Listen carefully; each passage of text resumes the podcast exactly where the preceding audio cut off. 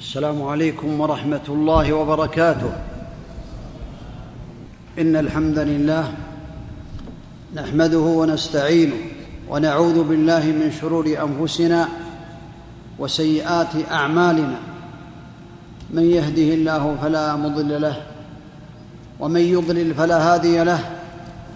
وأشهد أن لا إله إلا الله وحده لا شريك له.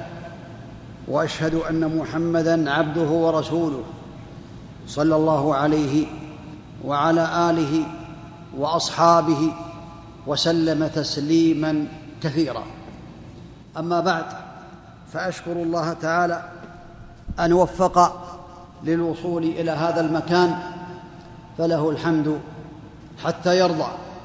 ثم أشكر الإخوة القائمين على المركز التعاوني في هذا الحي على جهودهم وعلى حرصهم على الخير وتعليم الناس الخير.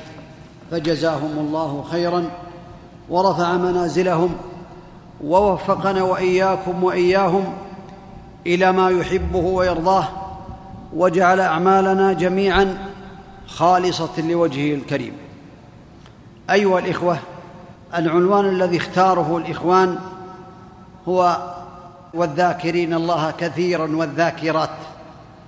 ولا شك أن هذا الكلام هو تمام الآية التي قال الله عز وجل فيها إن المسلمين والمسلمات والمؤمنين والمؤمنات والقانتين والقانتات والصادقين والصادقات والصابرين والصابرات والخاشعين والخاشعات والمتصدقين والمتصدقات والصائمين والصائمات والحافظين والخاشعين والخاشعات والمتصدقين والمتصدقات والصائمين والصائمات والحافظين فروجهم والحافظات والذاكرين الله كثيرا والذاكرات أعد الله لهم مغفرة وأجرا عظيما فهذه الصفات العشر صفات المؤمنين التي عمت جميع امور الدين لم تترك شيئا من امور الدين وهي تشمل كذلك الاسلام والايمان والاحسان. فمن قام بهذه الاعمال الصالحه التي ذكر الله تعالى فيها الرجال والنساء فالله تعالى ختمها بقوله عز وجل اعد الله لهم مغفره واجرا عظيما. فالذاكرون الله كثيرا والذاكرات هم من جملة هؤلاء الذين قاموا بهذه الأعمال الصالحة التي بينها ربنا عز وجل؟ وهذا الذكر هو من هذه الصفات العظيمة التي وصف الله تعالى بها هؤلاء وأعد لهم مغفرة وأجرا عظيما. ولا شك أن مفهوم الذكر هو التخلص من الغفلة والنسيان ويقال الغفلة ترك الذكر باختيار الإنسان والنسيان ترك بغير اختياره. فالغافل هو الذي ترك باختياره ترك ذكر الله تعالى وترك الخير الذي غفل عنه باختياره وبطوعه. أما النسيان فهو ترك بغير اختياره ولهذا لا يؤاخذ المسلم على النسيان كما بين النبي عليه الصلاة والسلام عفي لأمتي عن الخطأ والنسيان. والذكر هو تمجيد الله تعالى. معنى الذكر تمجيد الله تعالى وتقديسه وتنزيهه وتسبيحه وتهليله والثناء عليه بجميع محامده وبما هو أهله. إذن هذا هو الذكر كما يعلمه المسلمون. ولا شك أن الذكر أنواع ليس محصورا في شيء معين وإنما هو أنواع. فالنوع الأول من أنواع الذكر ذكر أسماء الله تعالى وصفاته ومعانيها. كأن يذكر الإنسان أسماء الله تعالى ويبينها للناس ويذكر معانيها ويتفهم هذه المعاني والثناء على الله بها وتوحيد الله تعالى بها وتنزيهه سبحانه وتعالى عما لا يليق بجلاله. وهذا النوع لا شك أنه قسمان. هذا النوع هو نوعان أو قسمان. القسم الأول إنشاء. معنى إنشاء يبدأ الإنسان به من أول وهلة. يبدأه بذكر الله تعالى. إنشاء ثناء على الله بها من الذاكر. يعني يبتدي الذاكر بهذا وهذا القسم هو المذكور في الأحاديث. مثل سبحان الله والحمد لله ولا إله إلا الله والله أكبر ولا حول ولا قوة إلا بالله. سبحان الله وبحمده سبحان الله العظيم. هذا القسم الأول. القسم الثاني من هذا وهو الخبر عن الله تعالى يخبر عن الله الذاكر يخبر عن الله بأحكام أسمائه وصفاته مثل قوله الله على كل شيء قدير. إذا قال الله على كل شيء قدير هذا إخبار عن الله وعن صفاته. الله العزيز الحكيم الله القادر على كل شيء هو الله الخالق البارئ المصور له الأسماء الحسنى. هو الله الذي لا إله إلا هو عالم الغيب والشهادة. هو الله الذي إذا أراد شيئا فإنما يقول له كن فيكون. هو الله الذي يقول سبحانه إنما قولنا لشيء إذا أردناه أن نقول له كن فيكون. هذا هو إخبار عن أحكام هذه الأسماء وهذا من ذكر الله تبارك وتعالى. فهو ذكر لله تعالى وهو أفرح بتوبة عبده من الفاقد لراحلته. إذا قال هذا الإنسان فهو يخبر عن الله تعالى وعن صفاته وهو يسمع أصوات عباده ويرى مكانهم ولا تخفى عليه خافية من أعمالهم وهو أرحم بهم من أمهاتهم وآبائهم. هذا من أنواع الذكر التي يذكر المسلم ربه تبارك وتعالى بها. النوع الثاني ذكر الأمر والنهي والحلال والحرام وأحكامه فيعمل بالأمر ويترك النهي ويحرم الحرام ويحل الحلال وهذا نوع من أنواع الذكر. فإذا قال هذا حلال واستدل عليه بكتاب الله تعالى وهذا حرام وبين للناس أنواع الحرام وبين للناس أنواع الحلال وعمل بالحلال وترك الحرام وحرم الحرام وأحل الحلال وعمل بما يحبه الله تعالى فهذا من ذكر الله تبارك وتعالى. وهذا الذكر بين ابن القيم رحمه الله تعالى أنه قسمان. القسم الأول ذكره بذلك إخبارا عنه بأنه أمر بكذا أمر الله بالصلاة أمر الله بالزكاة أمر الله بالأمر بالمعروف والنهي عن المنكر أمر الله ببر الوالدين أمر الله بالقيام بالواجبات. فأنت إذا قلت هذا فأنت تذكر الله تعالى بالإخبار عن أوامره سبحانه وتعالى وهذا من ذكر الله تعالى. كذلك بأنه أمر بكذا ونهى عن كذا وأحب كذا وسخط كذا ورضي كذا هذا من ذكر الله عز وجل. فالمسلم عليه أن يعلم بأن ذكر الله تعالى أنواع متعددة. فإذا قام بذلك ونهى عن المنكر وأمر بالمعروف فهذا يكون من أنواع الذكر. القسم الثاني من هذا النوع ذكره عند أمره فيعمل به وعند نهيه فيهرب منه ويتركه. هذا ذكر. إذا أراد الإنسان أن يعمل شيئا من الأمور وعلم بأن هذا محرم ترك هذا الشيء وأقلع عنه. هذا من ذكر الله تعالى لأنه ذكر الله عند الأمر. فقام به وذكر الله عند النهي فتركه. فهذا يكون من ذكر الله تبارك وتعالى الذي يثاب عليه الإنسان. النوع الثالث من هذه الأنواع ذكر الآلاء والنعماء والإحسان وهذا من أجل أنواع الذكر. كما قال الله تعالى وما بكم من نعمة فمن الله وإن تعدوا نعمة الله لا تحصوها إن الإنسان لظلوم كفار. فإذا ذكر العبد ربه على وجه الابتهال فهذا يكون من الدعاء. أما إذا ذكر هذه النعم فهذا ذكر الآلاء والنعم يكون من أنواع ذكر الله تعالى والنوع الرابع وهو الدعاء. الدعاء نوع من أنواع الذكر وهذا يدل على أن الذكر يشمل الدعاء ويشمل الأوامر ويشمل النواهي ويشمل جميع ما أمر الله تعالى به فالذكر نوع عام ومنه الدعاء. فالدعاء نوع من أنواع الذكر وهو سؤال الله تعالى أو سؤال العبد ربه على وجه الابتهال وقد يطلق على التقديس والتحميد والتنزيه ونحو ذلك.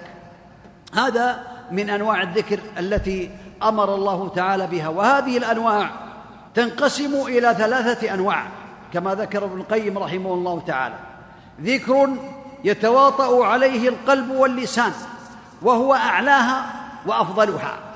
الذكر الذي يكون باللسان ويكون بالقلب على حد سواء هذا هو أعظم الذكر. فإذا ذكر الله تعالى بلسانه فهو مربوط بقلبه وهو يعلم ويفقه ما يقول بلسانه بهذا الذكر فهذا يكون من أفضل أنواع الذكر لأنه قد تواطى عليه القلب واللسان وهو أعلى أنواع الذكر وأفضلها. الثاني ذكر بالقلب وحده وهو في الدرجة الثانية. يذكر الله بقلبه بدون لسانه. يفكر في عظمة الله. يفكر بأن الله على كل شيء قدير. يذكر بأن الله بيده كل شيء. يذكر بأن الله عز وجل هو المستحق للعبادة. يذكر في نفسه بأن الله تبارك وتعالى هو الذي إذا أراد شيئا فإنما يقول له كن فيكون. هذا ذكر بالقلب يذكر عظمة الله بقلبه. وهذا الذكر هو الدرجة الثانية. أما الدرجة الأولى فهو الذكر باللسان الذي يتواطأ مع القلب ويكون مع القلب فهذا في أعلى الدرجات. درجة ثالثة وهي ذكر باللسان المجرد وهو بالدرجة الثالثة. يذكر الله سبحان الله والحمد لله ولا إله إلا الله والله أكبر بلسانه لكنه لا يمره على قلبه ولا يفكر فيه ولا يتأمل معناه. فهذا ذكر لله لكنه ليس كالأول وليس كالثاني. وإنما هو بمجرد اللسان وهو ذكر لله تعالى يثاب عليه لكنه في درجة ثالثة. ولا شك أن المسلم ينبغي له أن يعلم درجات الذكر فالذكر درجات. الدرجة الأولى الذكر الظاهر وهو ثناء على الله تعالى ذكر ظاهر يسمع. ثناء على الله تعالى كقول القائل وقول الذاكر سبحان الله. والحمد لله ولا إله إلا الله والله أكبر. والذكر الظاهر يشمل الأذكار ومعانيها كلها. هذا الذكر الظاهر يشمل أذكار الصباح وأذكار المساء وأذكار النوم وأذكار الاستيقاظ وأذكار أدبار الصلوات. هذا يقال له ذكر ظاهر. ذكر ظاهر وهذا من درجات الذكر. هذه الدرجة الأولى. الدرجة الثانية. الذكر الخفي وهو الذكر بمجرد القلب والتخلص من الغفلة والنسيان وملازمة حضور القلب مع الله كأنه يراه. هذا ذكر خفي يذكر ذكرا خفيا بقلبه إذا مشى في طريقه إذا كان جالسا إذا كان في سفره إذا كان في حضره يفكر بقلبه بأن الله على كل شيء قدير وأنه المستحق للعبادة سبحانه وتعالى وأنه يجب أن يخص بالعبادة سبحانه وتعالى ويخلص له بجميع العبادات. هذا يقال له ذكر خفي لكن تقدم بأن الذكر الظاهر الذي يتواطأ مع اللسان هو أفضل من الذكر بالقلب. الدرجة الثالثة الذكر الحقيقي ذكر حقيقي وهو ذكر الله تعالى للعبد الذاكر. قال الله تعالى فاذكروني أذكركم. الذكر الحقيقي العظيم هو ذكر الله تعالى لعبده المؤمن. وهذا الذكر ما ذكره الله تعالى إلا لأسباب عملها العبد وذكره الله تعالى لأجلها. ولهذا قال الله تعالى فاذكروني أذكركم. وفي الحديث القدسي يقول الله تعالى أنا عند ظن عبدي أنا عند ظن عبدي بي وأنا معه إذا ذكرني فإن ذكرني في نفسه ذكرته في نفسي وهذا أعظم الذكر الذكر الحقيقي. فإن ذكرني في نفسه ذكرته في نفسي وإن ذكرني في ملأ ذكرته في ملأ خير منهم. الحديث وسيأتي إن شاء الله تعالى. هذا يدل على أن هذا الذكر هو الذكر الحقيقي. إذا ذكرك الله أنت تذكر الله تعالى ليذكرك. فاذكروني أذكركم. ولا شك أن العبد يسعى إلى هذا إلى أن يذكره الله تعالى وإلى أن يثني عليه في الملأ الأعلى. ولا شك أن الذكر له شروط وله آداب آداب واجبة وتكون من الشروط بعضها.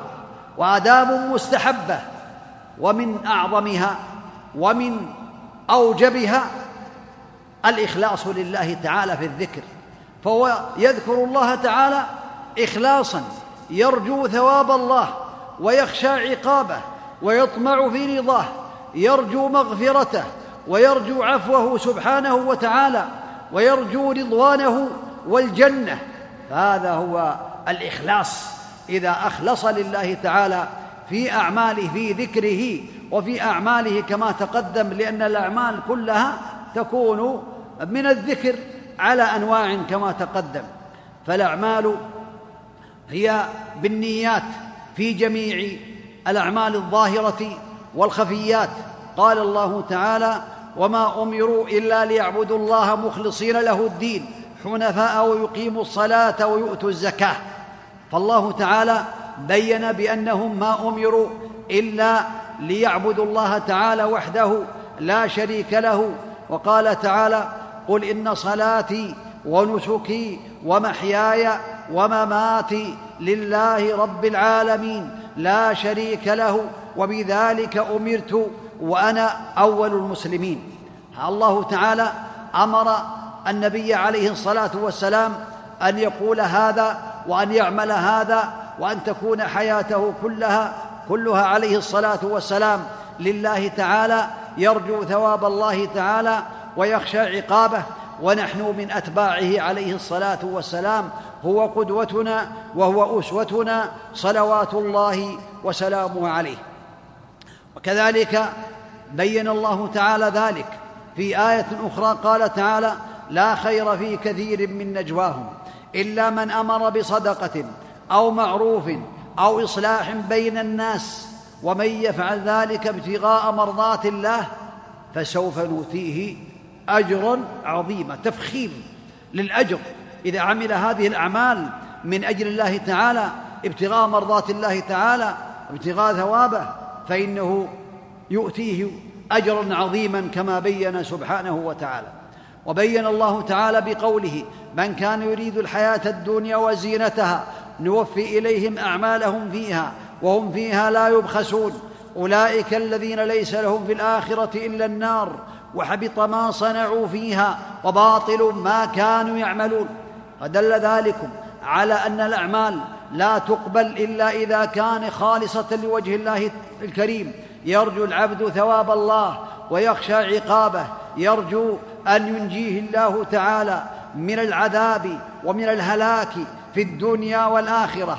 لا يرجو إلا الله ولا يخشى إلا الله ولا يعبد إلا الله ويتقرب بهذه بهذا الذكر وهذه العبادة لله سبحانه وتعالى. كما قال سبحانه وتعالى من كان يريد العاجله عجلنا له فيها ما نشاء لمن نريد. ثم جعلنا له جهنم يصلاها مذموما مدحورا. أي ما يريد إلا العاجلة. لا يريد وجه الله ولا يريد الدار الآخرة وإنما يريد العاجل يريد الدنيا. من كان يريد العاجلة عجلنا له فيها ما نشاء لمن نريد. ثم جعلنا له جهنم يصلاها مذموما مدحورا. ومن أراد الآخرة وسعى لها سعيها وهو مؤمن. فأولئك كان سعيهم مشكورا. نسأل الله أن يجعلنا وإياكم منهم من الذين سعيهم مشكورا كما بين الله تعالى ذلك في كتابه. وقال من كان يريد حرث الآخرة نزد له في حرثه ومن كان يريد حرث الدنيا نؤتيه منها وما له في الآخرة من نصيب. هذه الآيات وبعض الأحاديث تدل على أن الأعمال لا تقبل إلا إذا كانت خالصة لوجه الله الكريم. يرجو العبد ثواب الله تعالى ويخشى عقابه ويتقرب إليه سبحانه وتعالى بالأعمال الصالحة ويبتعد عن الرياء والسمعة. ولهذا قال الله تعالى فمن كان يرجو لقاء ربه فليعمل عملا صالحا ولا يشرك بعبادة ربه احدا. وقال النبي عليه الصلاة والسلام إنما الأعمال بالنيات وانما لكل امرئ ما نوى. وقال عليه الصلاة والسلام فيما يرويه عن ربه تبارك وتعالى أنا أغنى الشركاء عن الشرك من عمل عملا أشرك معي فيه غيري تركته وشركه. هذا من أعظم الآداب التي ينبغي للمسلم أن يعلمها.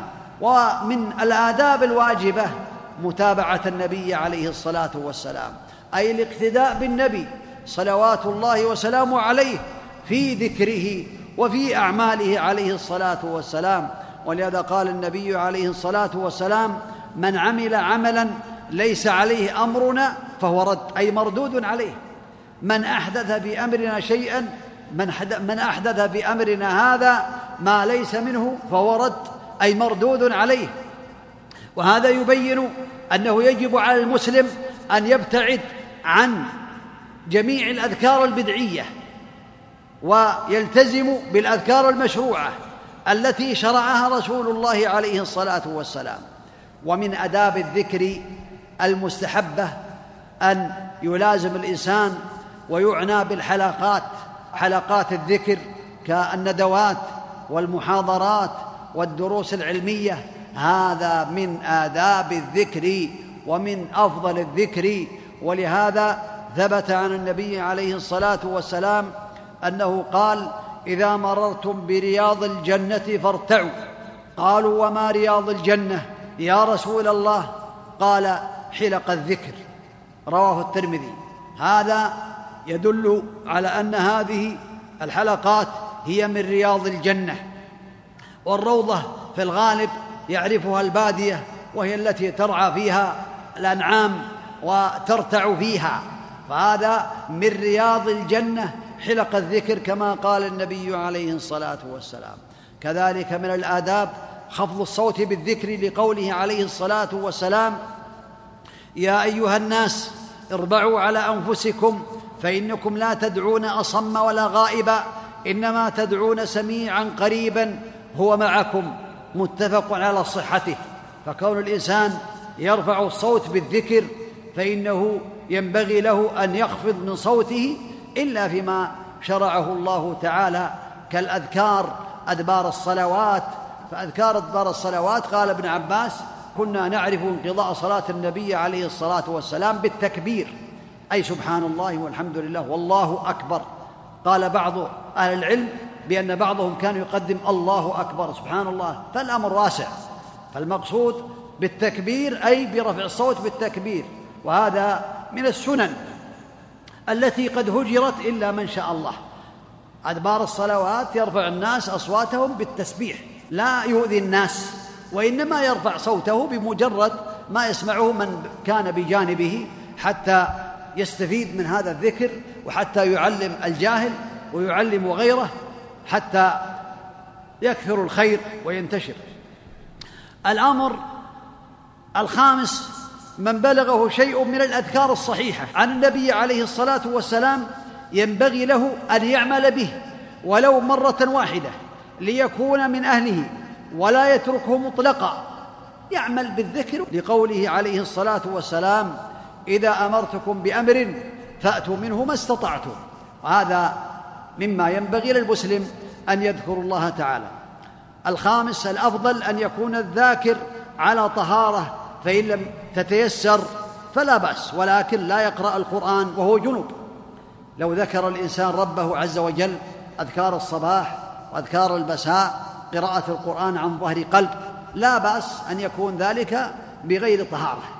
إلا الجنوب فلا بد أن يغتسل أو يتيمم عند فقد الماء أو العجز عن الماء عند قراءة القرآن.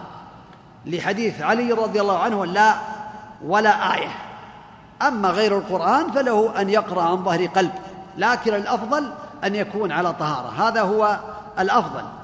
كذلك ينبغي وهو الأمر السابع من الآداب أن يحضر قلبه عند الذكر فيجمع بين القلب واللسان ويذكر الله تعالى في ليله ونهاره وفي أدبار الصلوات سواء كان ذلك في الليل أو في النهار لأنه إذا تركها مرة أو مرات تكاسل عنها ثم تركها. فإذا كان الإنسان له أوراد في أدبار الصلوات أو غير ذلك أو أذكار الصباح أو المساء ينبغي له ألا يتركها ويحافظ عليها. فإن فاتته ألزم نفسه بأن يقضيها. لا على وجه الوجوب ولكن على وجه إلزام النفس حتى لا يترك هذا الذكر الذي بينه النبي عليه الصلاة والسلام. ومن آداب الأذكار استقبال القبلة إن تيسر ذلك وإلا فلا حرج. لو كان الإنسان يذكر الله تعالى في أدبار الصلوات أو في أذكار الصباح والمساء فالأفضل له أن يستقبل القبلة.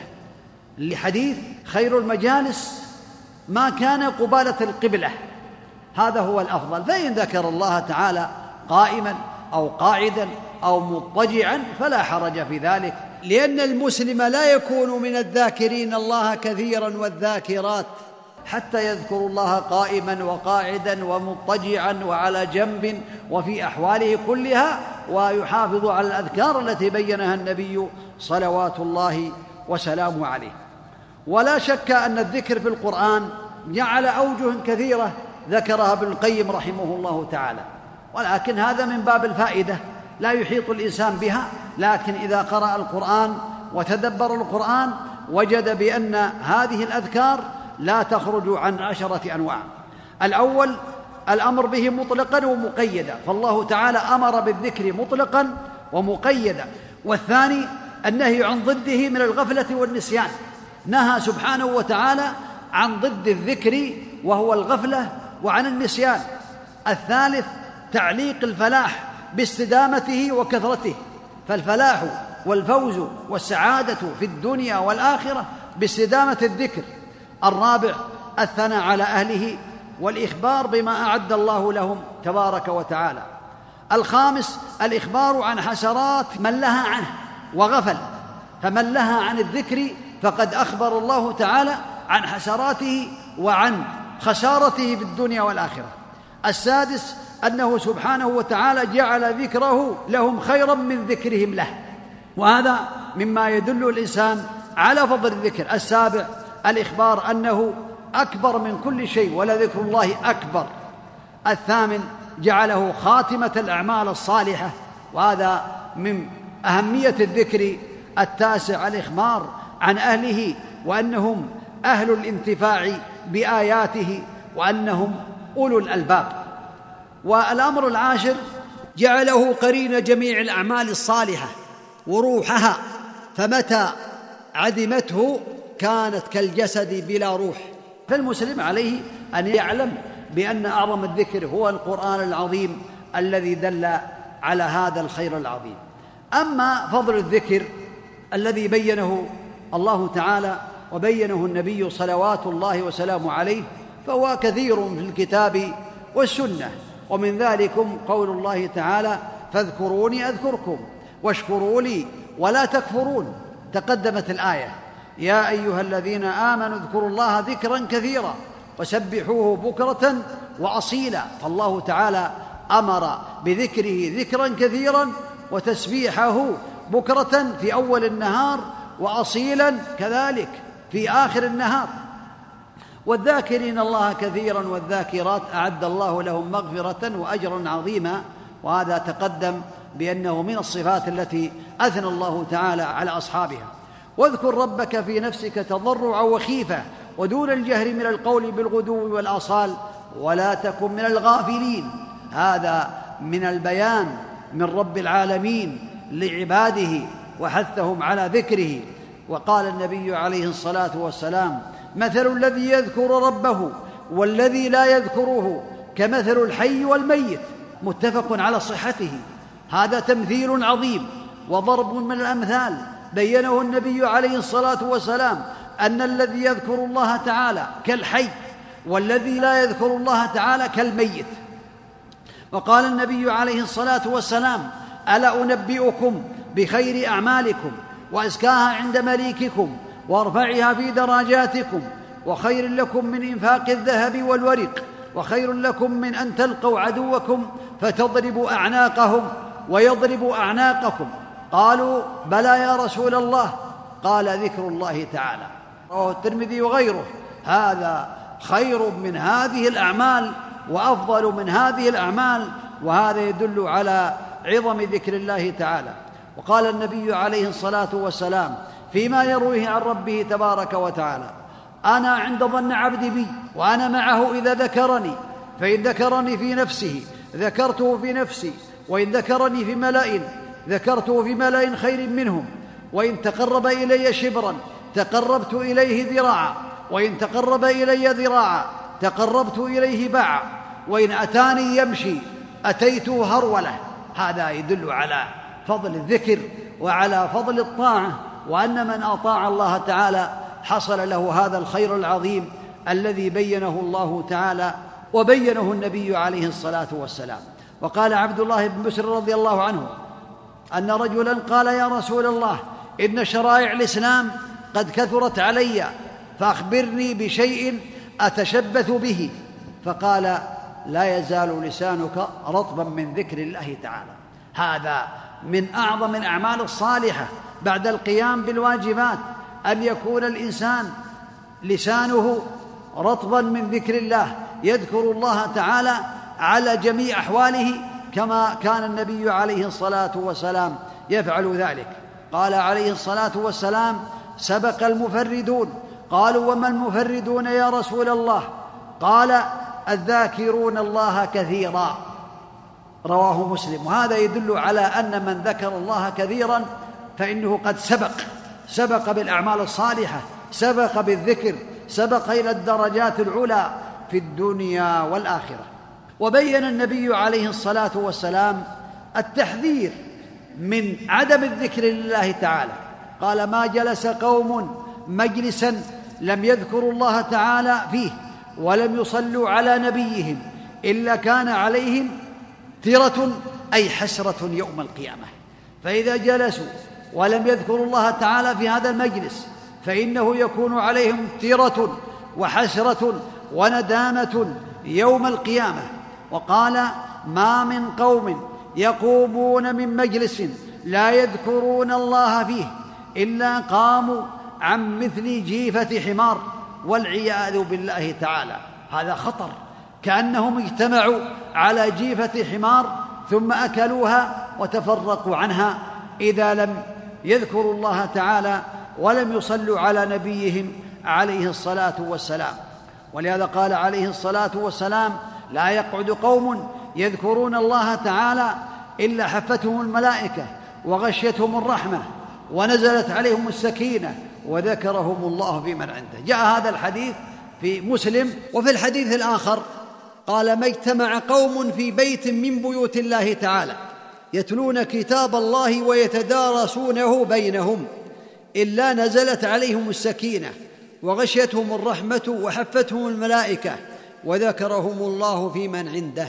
هذا جاء وهذا ثبت وهذا ثبت فالحمد لله سواء كان في المسجد أو في البيت أو في أي مكان لعموم قوله عليه الصلاة والسلام وفي الحديث الذي سمعتموه إذا مررتم برياض الجنة فارتعوا. قالوا يا رسول الله وما رياض الجنة؟ قال حلق الذكر. ولا شك أن من وفقه الله تبارك وتعالى لهذا فإنه يكون ممن يذكرهم الله تعالى. ولهذا جاء في حديث معاوية أن النبي عليه الصلاة والسلام خرج إليهم وهم جلوس فقال ما أجلسكم؟ قالوا جلسنا نذكر الله. ونحمده على ما هدانا للإسلام. فقال النبي عليه الصلاة والسلام آه اللهم اجلسكم إلا ذاك. قالوا آه اللهم اجلسنا إلا ذاك. فقال النبي عليه الصلاة والسلام أما إني لم أستحلفكم تهمة لكم ولكنه أتاني جبريل فأخبرني أن الله يباهي بكم الملائكة. رواه مسلم. يذكر الله تعالى هؤلاء عند الملائكة.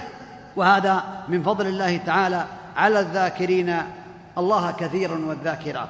وثبت في البخاري وفي مسلم بألفاظ مختلفة أن الناس إذا كانوا في حلق الذكر هناك ملائكة يلتمسون حلق الذكر حتى إذا وجدوا بغيتهم قالوا هلموا إلى بغيتكم. ثم يحفون هذه الحلق إلى السماء الدنيا. فيسألهم الله تعالى فيقولون وجدنا عبادك يحمدونك ويمجدونك ويكبرونك ويسبحونك. فيقول الله تعالى ماذا يسألوني؟ قالوا يسألونك الجنة. قال وهل رأوا جنتي؟ قالوا والله يا رب ما رأوها. قال كيف لو رأوها؟ قالوا لو رأوها لكانوا أشد لها طلبا. قال ومما يستعيذون؟ قال يستعيذون من نارك. وفي رواية أخرى من النار قال وهل رأوا ناري؟ قالوا والله يا رب ما رأوها. قال كيف لو رأوها؟ قالوا لو رأوها لكانوا أشد منها فرارا. قال فإني أشهدكم أني قد غفرت لهم. فيقول ملك من الملائكة؟ يا ربي فيهم فلان ليس منهم وإنما جاء لحاجة فيقول الله تعالى وله غفرت هم القوم لا يشقى بهم جليسهم. رواه البخاري وكذلك في مسلم. وهذا يدل على أن من حضر حلقات العلم حتى لو لم يقصد العلم وإنما أراد حاجة من بعض الناس فإنه يغفر له لأن هؤلاء لا يشقى بهم جليسهم. وهذا والله أعلم مستثنى من النية للحث على طلب العلم والعلم عند الله تعالى. فهو لا يريد هذا العلم وإنما يريد أن يحضر لحاجة. فغفر الله تعالى له بهذا العمل لأن هؤلاء هم القوم لا يشقى بهم جليسهم وهذا من فضل الله تعالى. وجاء في الحديث الآخر من قعد مقعدا لم يذكر الله فيه كانت عليه من الله تيرة أي حسرة. ومن اضطجع مضجعا لم يذكر الله فيه كانت عليه من الله تيرة أي حسرة يوم القيامة. هذا يدل على أن هذا الذكر من أعظم الأمور التي ينبغي للمسلم أن يعنى بها. وثبت عن أنس رضي الله عنه يرفعه ما من قوم اجتمعوا يذكرون الله تعالى لا يريدون بذلك إلا وجه الله إلا ناداهم مناد من السماء أن قوموا مغفورا لكم قد بدلت سيئاتكم حسنات. رواه أحمد. وقال محقق المسند بأنه حسن صحيح وقال الألباني رحمه الله تعالى صحيح لغيره. هذا والله فضل عظيم. ثواب كبير. إذا اجتمعوا نادى مناد من السماء أن قوموا مغفورا لكم قد بدلت سيئاتكم حسنات. هذا الأمر عظيم على أمر يسير. لكن عليك أن تذكر في نفسك وفي ذهنك أن الله على كل شيء قدير. وأن الله ذو الفضل العظيم. فإنه سبحانه وتعالى هو ذو الفضل العظيم والإحسان وأعظم الذكر القرآن العظيم. هذا الذكر القرآن العظيم هو أعظم الذكر. يا أيها الناس قد جاءتكم موعظة من ربكم وشفاء لما في الصدور وهدى ورحمة للمؤمنين. قل هو للذين آمنوا هدى, هو هدى وشفاء. وقال ولا يزيد الظالمين إلا خسارة في الآية الأخرى. فهذا القرآن هو أعظم الذكر ولهذا قال النبي عليه الصلاة والسلام من قرأ حرفا من كتاب الله فله بذلك الحرف حسنة. لا أقول ألف لام ميم حرف ولكن ألف حرف ولام حرف وميم حرف. هذا من فضل الله والحسنه بعشر أمثالها. وهذا من فضل الله تعالى على العبد. قال يقال لصاحب القرآن اقرأ وارتقي. ورتل كما كنت ترتل في الدنيا فإن منزلتك عند آخر آية تقرأ بها. أي في الجنة. يقرأ صاحب القرآن يحصل على هذا الثواب العظيم وهو أعظم الذكر. قال النبي عليه الصلاة والسلام لأصحابه أيكم يحب أن يغدو إلى بطحان أو إلى العقيق؟ واد في المدينة. فيأتي بناقتين كوماوين في غير إثم ولا قطيعة رحم. قالوا نحب ذلك يا رسول الله. قال لأن يغدو أحدكم إلى المسجد فيعلم آيتين أو يقرأ آيتين خير له من ناقتين وثلاث خير له من ثلاث وأربع خير له من أربع ومن أعدادهن من الإبل. هذا من فضل الله تعالى على عباده. وهذا القرآن الكريم هو أعظم الذكر هو رأس الذكر هو الذي إذا حافظ عليه الإنسان وحافظ على تلاوته حصل على الثواب العظيم فهو أعلى درجات الذكر التي سمعتموها. أما مواطن الذكر فله مواطن مطلق ومقيد فالمطلق مثل من قال سبحان الله وبحمده فإن هذا مطلق في أي وقت كان. ولهذا ثبت عن النبي عليه الصلاة والسلام أنه قال من قال سبحان الله وبحمده في يوم مئة مرة حطت خطاياه وإن كانت مثل زبد البحر. رواه مسلم. هذا والله من الفضل العظيم. من قال لا إله إلا الله وحده لا شريك له له الملك وله الحمد وهو على كل شيء قدير. في يوم مئة مرة كانت له عدل عشر رقاب ومحي عنه مئة سيئة وكتب له مئة حسنة وكانت حرزا له من الشيطان حتى يمسي. ولم يأتي أحد بأفضل مما جاء به إلا رجل عمل أكثر منه أو كما قال النبي عليه الصلاة والسلام. هذا من الذكر المطلق وهو كذلك من أذكار الصباح لو جعله في أول النهار كلمتان خفيفتان على اللسان ثقيلتان في الميزان حبيبتان إلى الرحمن سبحان الله وبحمده سبحان الله العظيم. من قال سبحان الله العظيم وبحمده غرست له نخلة في الجنة. هذا من فضل الله تعالى. لا حول ولا قوة إلا بالله. هذا كنز من كنوز الجنة كما بين النبي عليه الصلاة والسلام. وقال عليه الصلاة والسلام أيعجز أحدكم أن يكسب كل يوم ألف حسنة؟ قالوا يا رسول الله كيف يكسب أحدنا في اليوم ألف حسنة؟ قال يسبح مئة تسبيحة فيكتب له ألف حسنة أو يحط عنه ألف خطيئة. رواه مسلم. الله أكبر. يقول سبحان الله سبحان الله سبحان الله. دقيقة واحدة تقريبا. هذا يكتب له ألف حسنة. رواه مسلم. أو يمحى عنه ألف خطيئة. هذا والله من الغنائم العظيمة التي تفوت كثيرا من الناس ويكون من المحرومين. إذا حرم هذا الخير العظيم الذي بينه النبي عليه الصلاة والسلام. وقال الباقيات الصالحات سبحان الله والحمد لله ولا إله إلا الله والله أكبر ولا حول ولا قوة إلا بالله. هذا من الباقيات الصالحات. من الباقيات الصالحات. كذلك الاستغفار يكون من الذكر.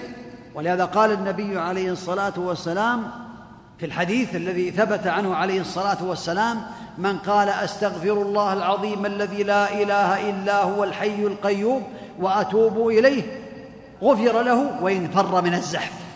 هذا من فضل الله تعالى. أستغفر الله العظيم الذي لا إله إلا هو الحي القيوم وأتوب إليه. وثبت عنه عليه الصلاة والسلام أنه قال إني لأستغفر الله وأتوب إليه في اليوم أكثر من سبعين مرة. رواه البخاري.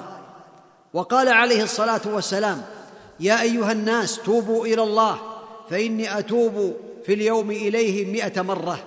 رواه مسلم. وكان عبد الله بن عمر يقول كنا نعد لرسول الله عليه الصلاة والسلام في المجلس الواحد. رب اغفر لي وتب علي إنك أنت التواب الغفور. رب اغفر لي وتب علي إنك التواب الغفور. مئة مرة. في رواية رب اغفر لي وتب علي إنك أنت التواب الرحيم. سواء قال هذا أو هذا. فهذا من فضل الله تعالى على عبده. هذا من الأذكار المطلقة يذكر في أي وقت. قال النبي عليه الصلاة والسلام لا نقول سبحان الله والحمد لله ولا إله إلا الله والله أكبر أحب إلي مما طلعت عليه الشمس. أربع كلمات. وقال في هذه الكلمات أحب الكلام إلى الله أربع. لا يضرك بأيهن بدأت. سبحان الله. والحمد لله ولا إله إلا الله والله أكبر. فإن زاد عليها ولا حول ولا قوة إلا بالله فهي من الباقيات الصالحات التي سمعتم. والذكر المطلق لا يقيد بوقت معين. وأما الذكر المقيد فهو أذكار الصباح مقيد بوقت معين. وأذكار المساء وأذكار الاستيقاظ من النوم وأذكار دخول المسجد والخروج من المسجد. وأذكار دخول البيت والخروج من البيت وأذكار أدبار الصلوات فالمسلم عليه أن يعنى بهذه الأذكار خاصة أدبار الصلوات فإن كثيرا من الناس لا يعنون بذلك ولا يرفعون بذلك راسا. قد كان النبي عليه الصلاة والسلام إذا سلم من صلاة يقول أستغفر الله أستغفر الله أستغفر الله. اللهم أنت السلام ومنك السلام. تباركت يا ذا الجلال والإكرام. ثم ينصرف إلى الناس ويقول لا إله إلا الله وحده لا شريك له. له الملك وله الحمد وهو على كل شيء قدير. والأفضل أن يقولها ثلاث مرات. لأنه جاء في رواية في البخاري أنه يقولها ثلاثة لا إله إلا الله وحده لا شريك له له الملك وله الحمد وهو على كل شيء قدير. لا إله إلا الله وحده لا شريك له له الملك وله الحمد وهو على كل شيء قدير. لا إله إلا الله وحده لا شريك له له الملك وله الحمد وهو على كل شيء قدير. ثلاث مرات ثم يقول اللهم لا مانع لما أعطيت ولا معطي لما منعت ولا راد لما قضيت. زادها عبد بن حميد في مسنده ولا راد لما قضيت. ولا ينفع ذا الجد منك الجد.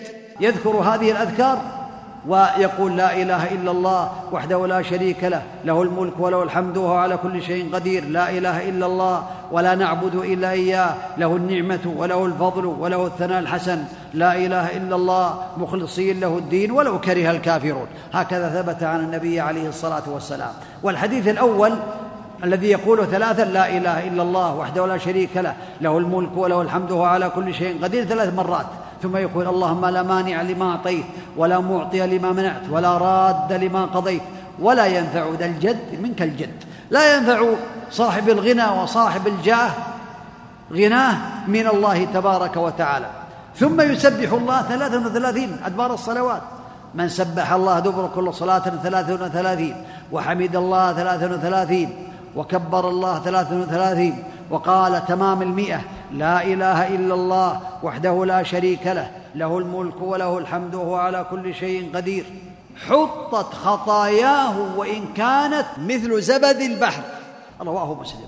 هذا والله فضل عظيم وثواب كبير وحرمان لمن ترك هذا الخير العظيم. حرمان لا يقال حرمان من الواجب لا حرمان من هذا الفضل ومن هذا الخير. ثم الأفضل له أن يقرأ آية الكرسي. جاء في حديث عن النبي عليه الصلاة والسلام تشد طرقه بعضها بعضا أن من قرأ آية الكرسي دبر كل صلاة لم يكن بينه وبين الجنة إلا أن يموت. الحجاب بينه وبين الجنة الموت. وكذلك قراءة قل هو الله أحد قل أعوذ برب الفلق قل أعوذ برب الناس دبر كل صلاة مرة واحدة.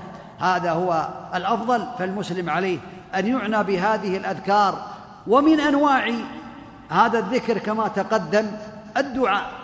فالدعاء ذكر من أنواع الذكر. فقال الله تبارك وتعالى وقال ربكم ادعوني أستجب لكم. إن الذين يستكبرون عن عبادتي سيدخلون جهنم داخرين.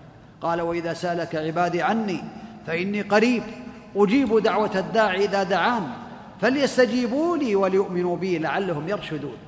وهذا من فضل الله تعالى على عباده فلا بد للمسلم أن يعنى بالدعاء.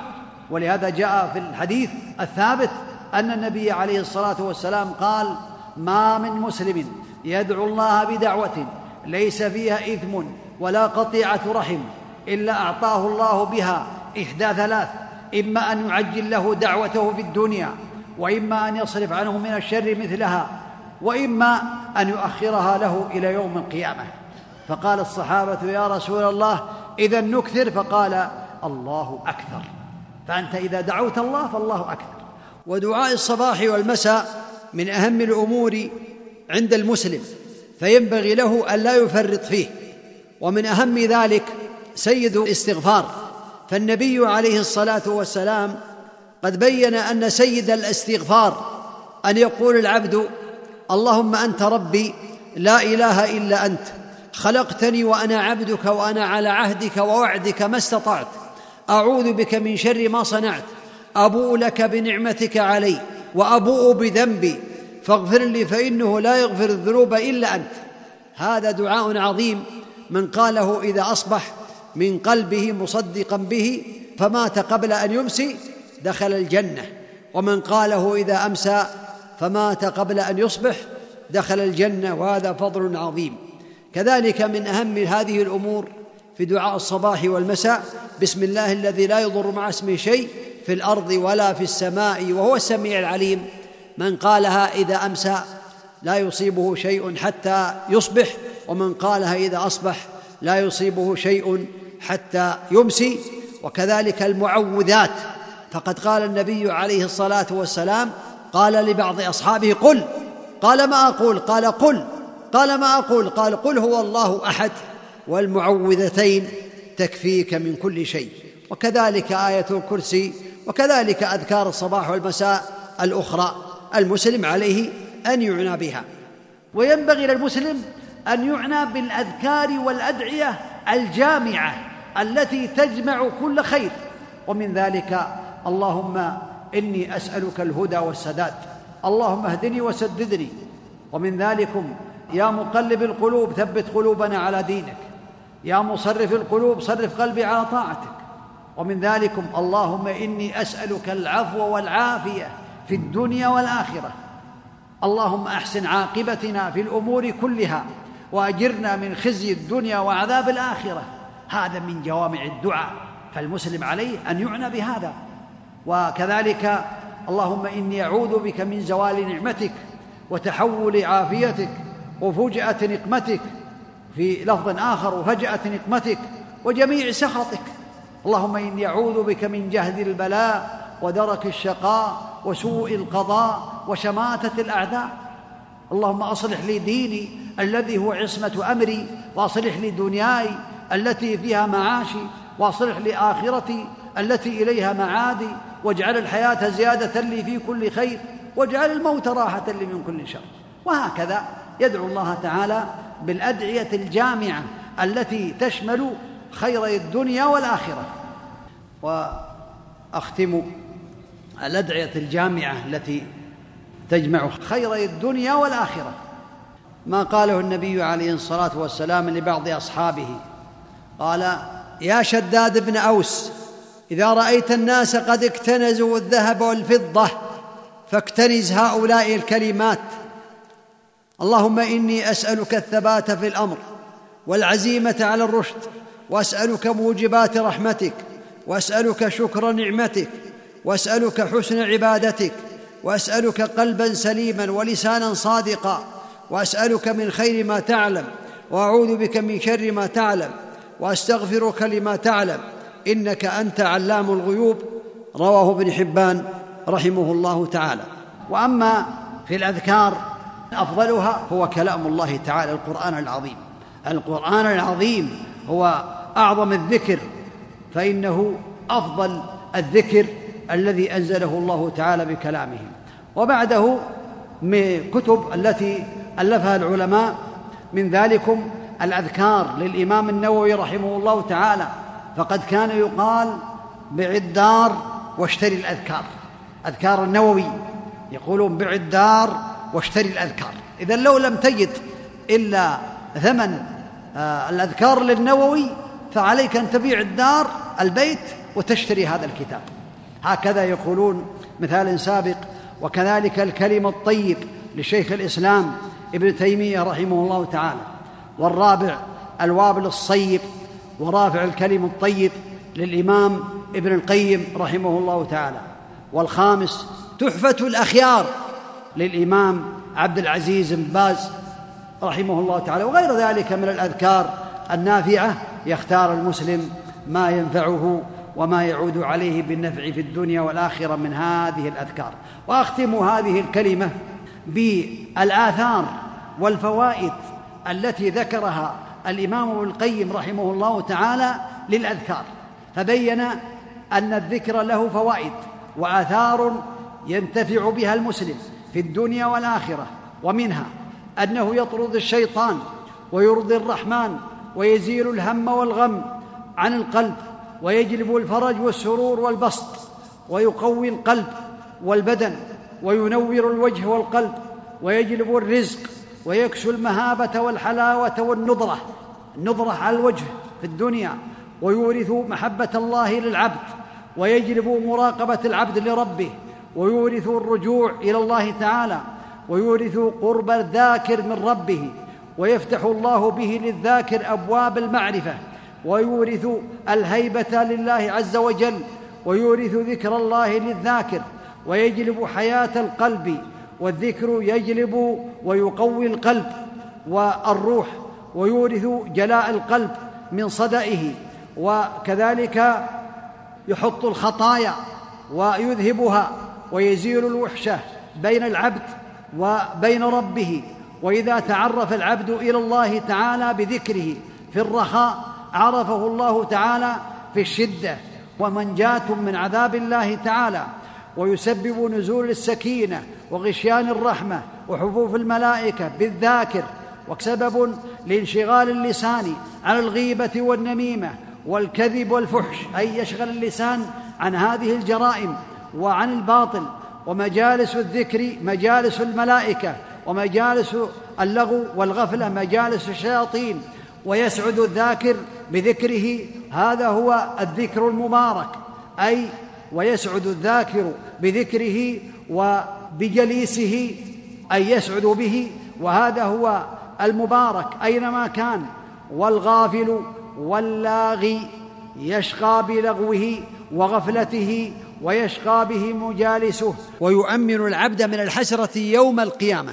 والذكر مع البكاء في الخلوة سبب لإضلال الله تعالى العبد يوم القيامة من الحر الأكبر في ظل عرشه. والناس في حر الشمس قد صهرتهم في الموقف. ويعطي الله الذاكر أفضل ما يعطي السائلين. والذكر أيسر العبادات. وهو من أجلها وأفضلها. وهو غراس الجنة. والعطاء والفضل الذي رتب عليه لم يرتب على غيره من الأعمال ودوام ذكر الرب تبارك وتعالى يوجب الأمان من نسيان الله تعالى لعبده الذاكر. والذكر يسير العبد وهو قاعد على فراشه وفي سوقه وفي حال صحته وسقمه أن يكون سريعا في الطاعات وهو مريض وهو جالس بذكره تعالى في كل حال أي بذكر الله تعالى في كل حال وفي حال نعيمه ولذته وفي حال معاشه وقيامه وقعوده واضطجاعه وسفره وإقامته فليس في الأعمال شيء يعم الأوقات والأحوال مثله والذكر نور للذاكر في الدنيا ونور له في قبره ونور له في معاده يسعى بين يديه على الصراط فما استنارت القلوب والقبور بمثل ذكر الله تعالى والذكر رأس الأمور فمن فتح له فيه فقد فتح له باب الدخول على الله عز وجل وفي القلب خلة وفاقة لا يسدها شيء إلا ذكر الله عز وجل. فيكون صاحب الذكر غنيا بلا مال عزيزا بلا عشيرة مهيبا بلا سلطان. فإذا غفل عن ذكر الله عز وجل فهو بضد ذلك فقير مع كثرة ماله ذليل مع سلطانه حقير مع كثرة عشيرته والذكر يجمع المتفرق ويفرق المجتمع أي المتفرق من الخيرات يجمعها ويفرق كل شر عن المسلم. كذلك ويقرب البعيد ويبعد القريب فيجمع ما تفرق على العبد من قلبه وإرادته وهمومه وعزومه والعذاب كل العذاب في تفرقتها وتشتتها وانفراطها. والذكر ينبه القلب من نومه لأن القلب إذا كان نائما فاتته الأرباح وكان الغالب عليه الخسران. والذكر شجرة تثمر كل خير لأنه ينبه القلب من نومه وغفلته. والذاكر لربه قريب منه تعالى. والذكر يعدل عتق الرقاب ونفقة الأموال. والجهاد في سبيل الله تعالى والذكر رأس الشكر. فما شكر الله تعالى من لم يذكره. وأكرم الخلق على الله تعالى من المتقين من لا يزال لسانه رطبا من ذكر الله تعالى.